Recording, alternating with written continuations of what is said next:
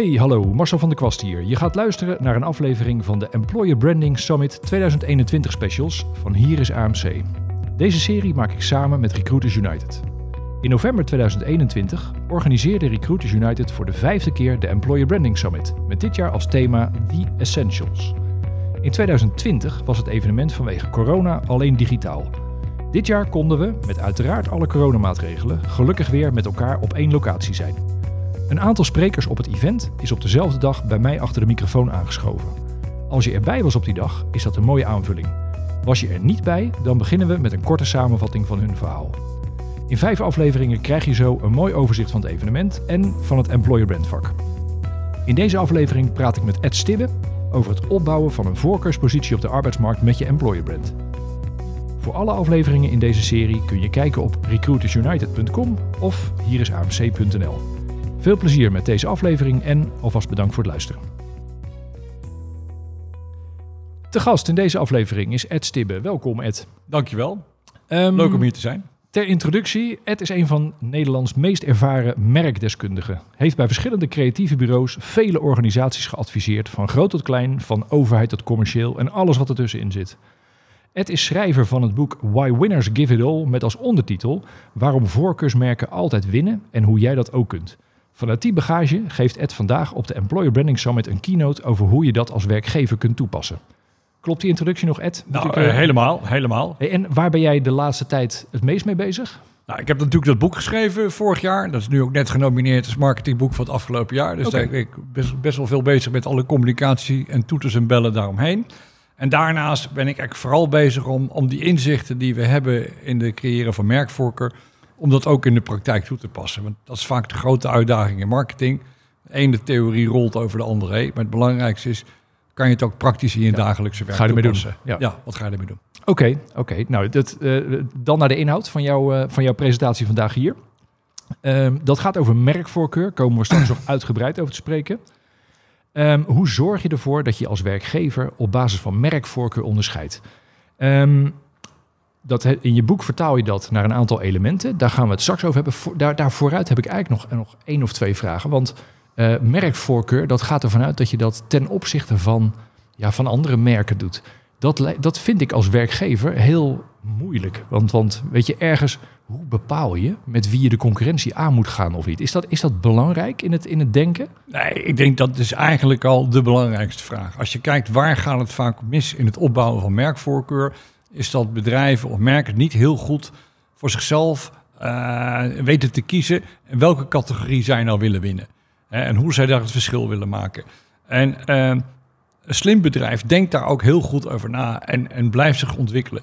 En wat je bijvoorbeeld ziet, een mooi voorbeeld is ING, die uh, had ook voor zichzelf door, hè, we moeten allemaal digitaliseren. Ja, wie wil er bij een bank werken? Wie wil er überhaupt bij een bank werken? Was al een probleem. En als je nou een, een digital maverick bent, wil je dan wel bij een bank werken? Ja. Nou, ING realiseerde ze dat en nee, wij moeten een hele culturele omslag maken. Wij moeten uh, niet meer een bank worden, maar wij moeten een fintech bedrijf van de future worden.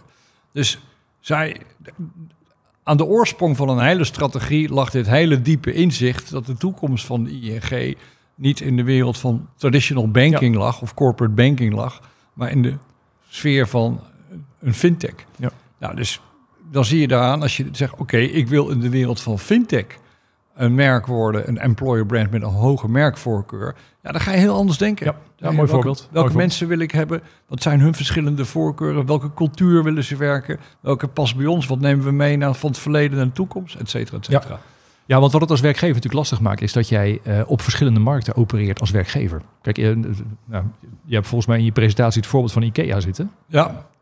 Wat IKEA ook allemaal aan verschillende dingen maakt, ergens valt het wel uh, in de categorie wonen of, of nou, wonen in kantoor of, of iets met meubelen. Weet je, dat valt nog wel te definiëren, ja. waarbij het waarschijnlijk veel ingewikkelder ligt dan dat ik het nu even schets. Ja. Maar als werkgever moet je ineens op de technische markt voor technische profielen. Je moet IT-mensen, verkoopmensen, uh, sales of, of marketingmensen. Weet je, dan moet je ineens op andere gebieden. Ja, maar maar, maar daar je, ligt ook de uitdaging. En daar en moet je, je dus, zal je dus als werkgever. Het is natuurlijk raar voor werkgevers. Hè, die hebben tien jaar lang mogen cherrypicken. Want uh, er waren gewoon veel te veel mensen die een baan zochten.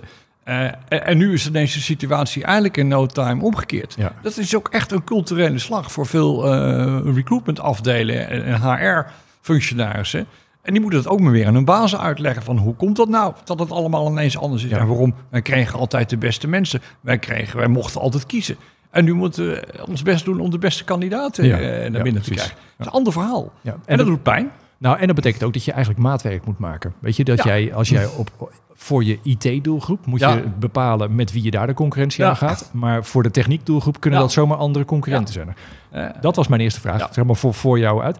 Als, als tweede, als je een beetje gaat kijken naar eh, merkvoorkeur en, en naar het vak employer branding. ja. Hoe, hoe los vind jij employer branding? In hoeverre is het, is het een apart vak? Is het een apart merk? Of is het eigenlijk gewoon een onderdeel van, van eh, eh, het, het hele merk?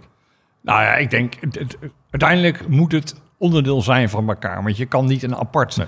consumentenmerk zijn of business-to-business merk en een apart employer brand. Want dat voelt een beetje gewoon schizofreen. Ja. En dus het moet allemaal op waarde- en cultuurniveau moet dat allemaal parallel met elkaar gaan lopen. Ehm, ja, je kan natuurlijk wel een beetje accenten daarin aanbrengen. En bij heel veel dienstverlenende organisaties. En we gaan natuurlijk naar een omgeving toe waar eh, mensen met name in dienstverlening het verschil gaan maken. Daar wordt dat natuurlijk heel belangrijk. Ja. Hè, dus dan worden die, die cultuur, culturele aspecten worden eh, heel belangrijk in de, in de vorm van een Ja, employer Ja, brand. precies. Ja, en het, is, het gekke van arbeidsmarkt is natuurlijk dat je niet eindeloos dingen te vergeven hebt. Weet je, op de, eh, als jij eh, de, de, de commerciële markt, dan wil je ja, zoveel mogelijk verkopen.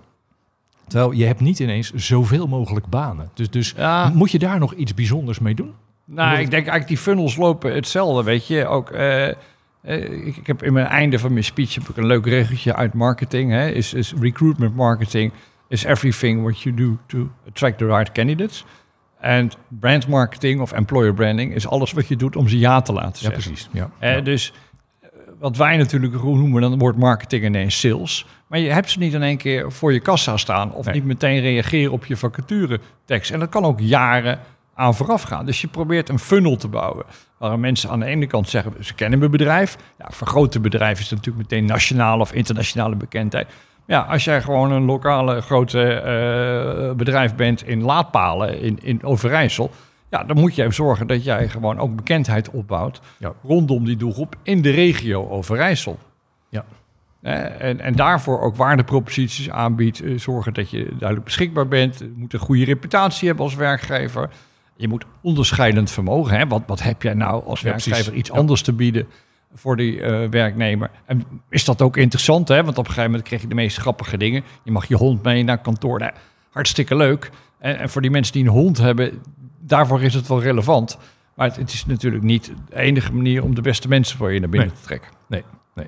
Nou, dan naar jouw inhoud, naar je, je, Ja. je model, zeg maar. Ja. Laat, laten we die, ehm, nou ja, ik zou bijna zeggen, eh, eh, neem de vloer en, en, en schets de, de elementen van je model. Want het zijn er uiteindelijk Vijf. Vijf. Oké, vertel, vertel. Nou belangrijkste uitgangspunt, hè, dat is ook mijn, mijn, mijn eigen reis als, eh, vanuit de reclame geweest, is toen ik in de reclame begon, maar, was eigenlijk communicatie hetgene wat het verschil maakt. Want producten, hè, wel de vier P's van Kotler, maar de producten waren ongeveer hetzelfde, de prijzen waren het ongeveer hetzelfde en alle producten lagen ongeveer in dezelfde winkels of alle banken. Ze hadden allemaal een hoekje op het eigen dorpsplein.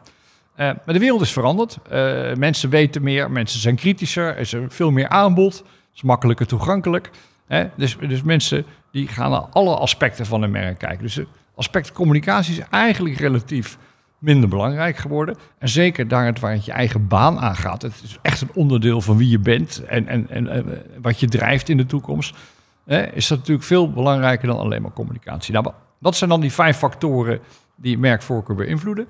Dat begint allereerst bij eh, spontane bekendheid. Hè? Kennen ze het bedrijf? Dat, dat zorgt altijd alweer een beetje eh, voor de premierbonus, noem ik het altijd. Daar gaat alle aandacht naartoe. Die hebben een soort status bij. eh dan wordt is het meteen geloofwaardig. Dat is een belangrijk punt. Tweede punt. Eh, eh, vraag Ja? over die eerste. Moet dat per se bekendheid als werkgever zijn? Want dat is natuurlijk vaak iets Eh, wat... nee, dat mag gewoon een bekendheid als bedrijf. Maar je ziet, Neem dat, dat loopt met elkaar samen. Ja, Weet je, een groot bedrijf is vaak ook gewoon bekend omdat het een groot bedrijf is. ja. Kan ook een probleem zijn, toch? Als je bijvoorbeeld, neem KPN. Ja, Als mensen, ken je KPN als werkgever? Dan zegt in onderzoeken 80% zegt ja, ken ik als werkgever. Dat is eigenlijk niet waar, want ze kennen KPN als, als merk. Dus Ja, ze kunnen geen onderscheid maken, maar ergens die, dus die bekendheid. Hij weet helpt. ik niet. Want voor hun, jij zegt dan dat dat niet waar is, maar voor die mensen is het wel waar. Dus het Ja, is nee, waar. eens, eens. Voor hun is dat KPN. Ja, komen we er zo nog op terug. Een van de grootste problemen van grote bedrijven is dat ze, is een overweging dat mensen die grote bedrijven vaak kennen, Ja. dat ze er niet willen werken. ja En dat is een enorme grote hoorde voor al die recruiters die de hele dag aan werk zitten zitten. Hè, en dat lost communicatie niet op. Ga je geen leuk employer branding filmpje van, oh, oh, oh wat is het leuk bij KPM. Ze hebben allemaal divers. Werkt niet. Moet dieper in. Eens. Mooi. Dat Tweede onderdeel Ja. van het eh, eh, mentale leiderschap is de reputatie. Hè, je kan natuurlijk wel heel bekend zijn, zoals Donald Trump, maar tegelijkertijd een slechte reputatie hebben. Heb je toch een probleem? Ja. Eh, zeker op de korte termijn. Dus die, die, die lopen graag parallel. Tweede punt in die rij is eh, wat ik dan noem dan de beschikbaarheid. Nou, het gaat over twee vormen van beschikbaarheid. Eén is de mentale beschikbaarheid. Hè. Dat betekent dat als jij denkt, ik zoek naar een nieuwe baan, aan welk type baan of aan welk gever, welke werkgever denk je dan?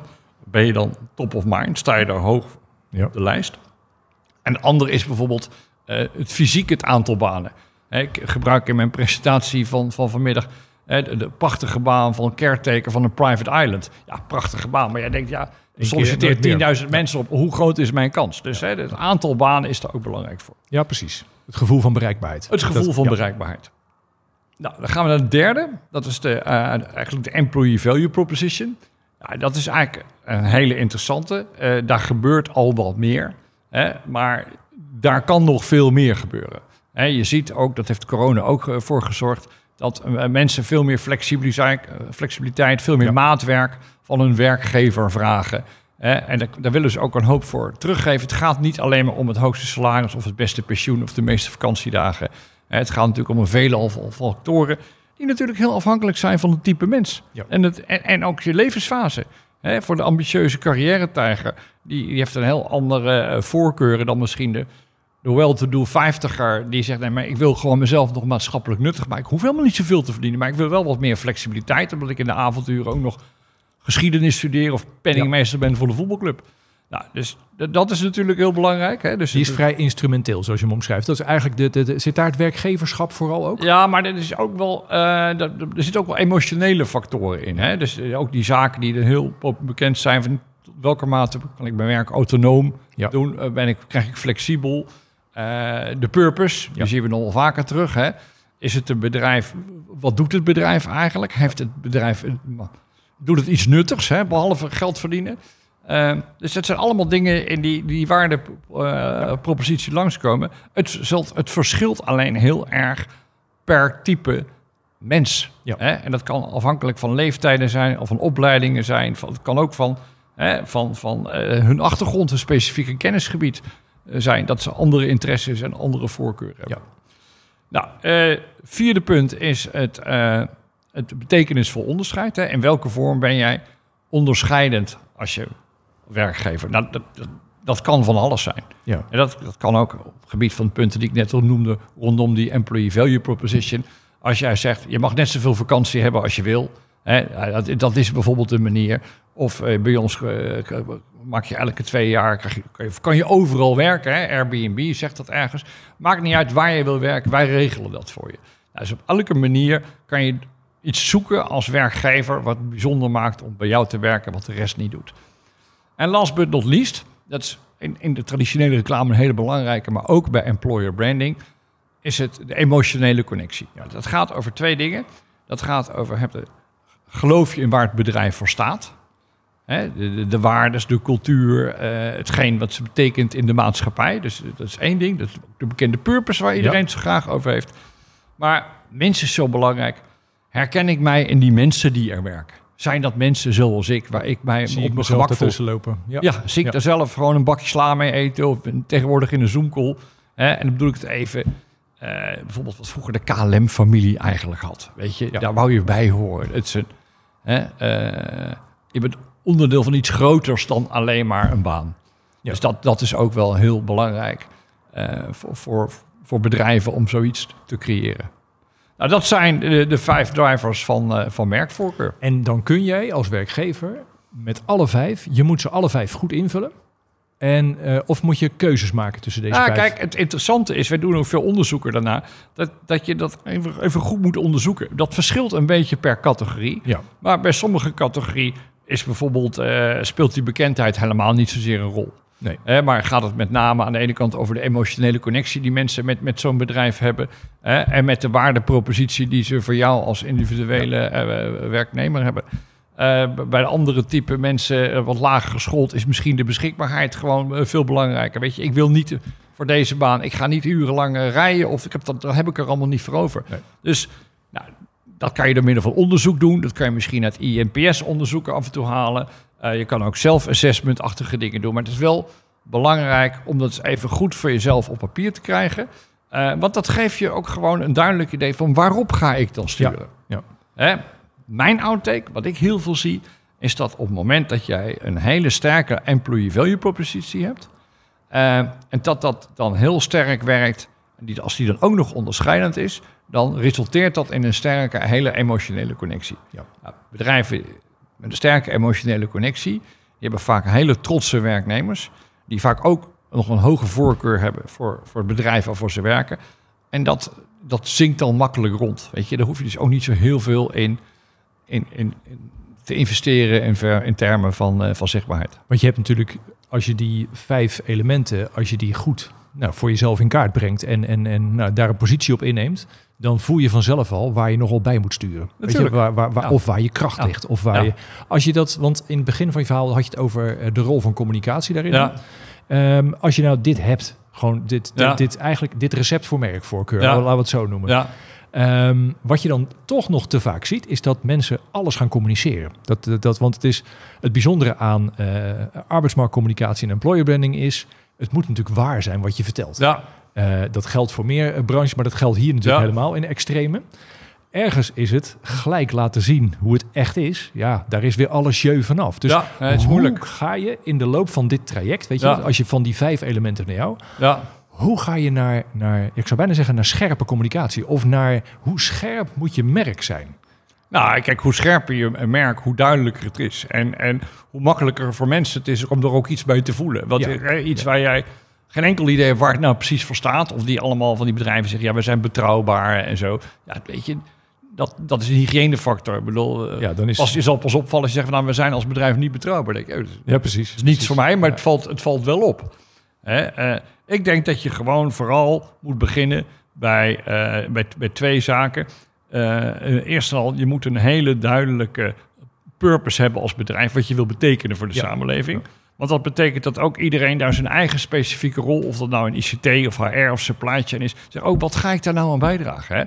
Coolblue, veel gebruikt voorbeeld. Maar als je weet, wij zijn hier om klanten happy te maken. Nou, dan weet er één iemand die, die, die, die, zeg maar, die apparaten in een doos doet. Die weet ook, ik moet het er een beetje netjes doen. Ik moet de gebruiksaanwijzing bovenop leggen. En die, die weet wat hij moet doen. Eh, maar degene die daar eh, bij jou aan de deur komt... die weet ook, oh, ik moet, dus ook moet die mensen blij maken. Dus ja. ik, ik moet ze een beetje lachen. Ik moet vragen of alles goed geregeld is.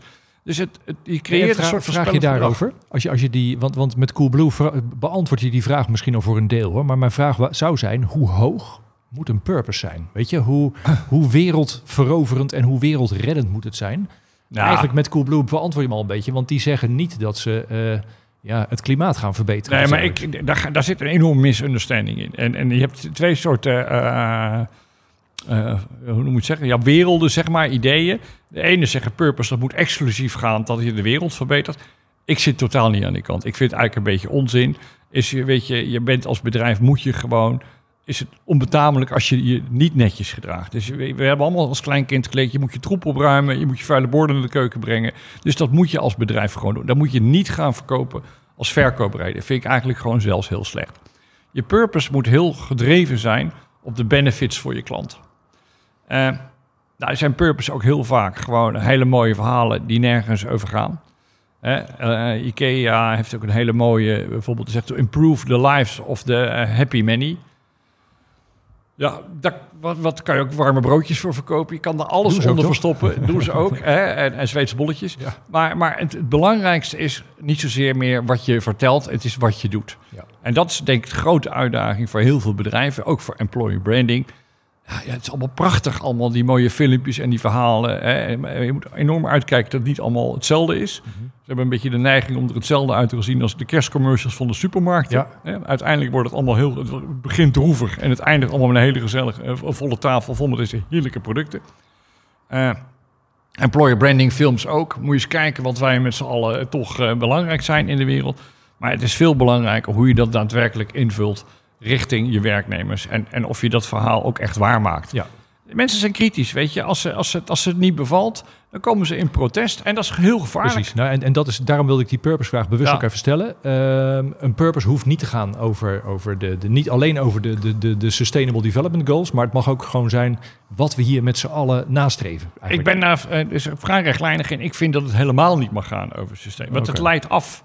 Je moet gaan. Behalve op- als het echt, weet je, als je, als je van de duurzame eh, industrie bent, weet je, dan mag je er best wat over vertellen. Ja, maar, dan, ja. moet je, dan moet je zeggen, wij zijn niet van winstoogmerken, wij zijn een impactbedrijf. Nee, dat, dat is ons businessmodel, we willen er niks. Het is zo'n beetje zo'n stichting. Ja, precies. Hè? ja. We willen er geen winst op maken.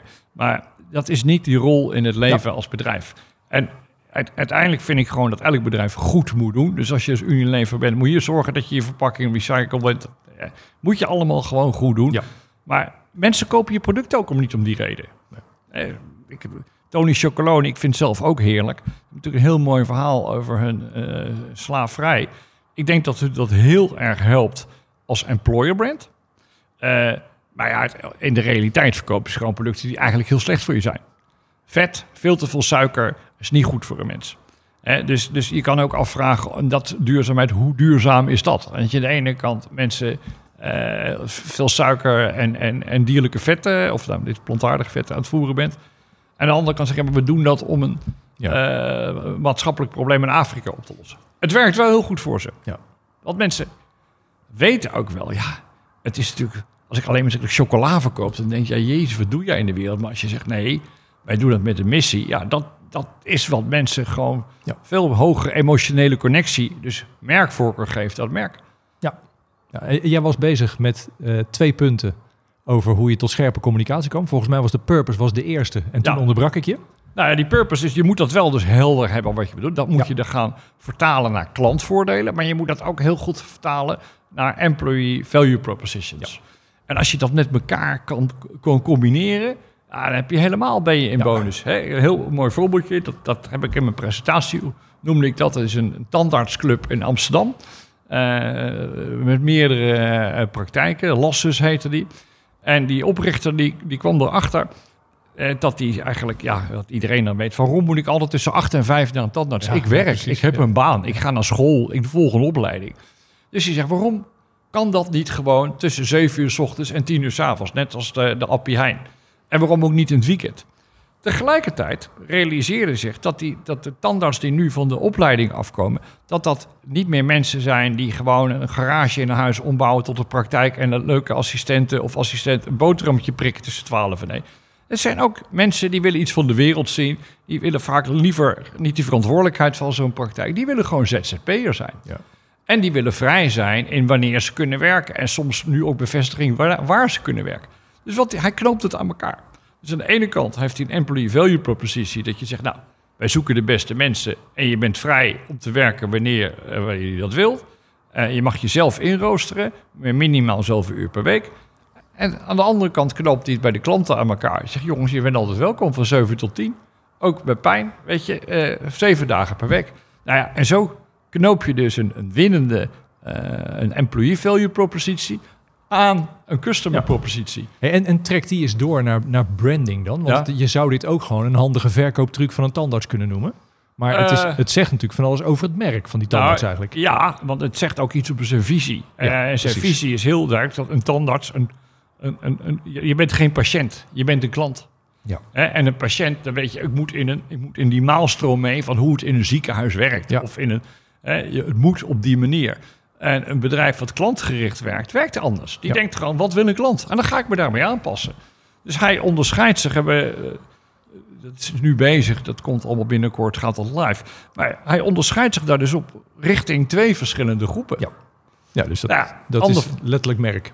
dat is letterlijk merk. Ander voorbeeld, ik heel inspirerend vind, is eh, Southwest. Hè? Dus een soort EasyJet Ryanair van Amerika. Nou, wat hier allemaal het imago is van low budget. Low budget is low service. Of ruk service zelfs. Hè? In, in, Southwest heeft het omgedraaid. Die zeggen, joh, we vliegen allemaal met dezelfde kisten. We vliegen allemaal ook van A naar B. Misschien verschillende tijden en af en toe verschillende prijzen. Maar dat is het niet. Hij zegt, dat vliegen, dat moeten we gewoon weer een beetje leuk maken. Dus zij zeggen, it's a fun-loving business. Dus het is leuk om met ons te vliegen.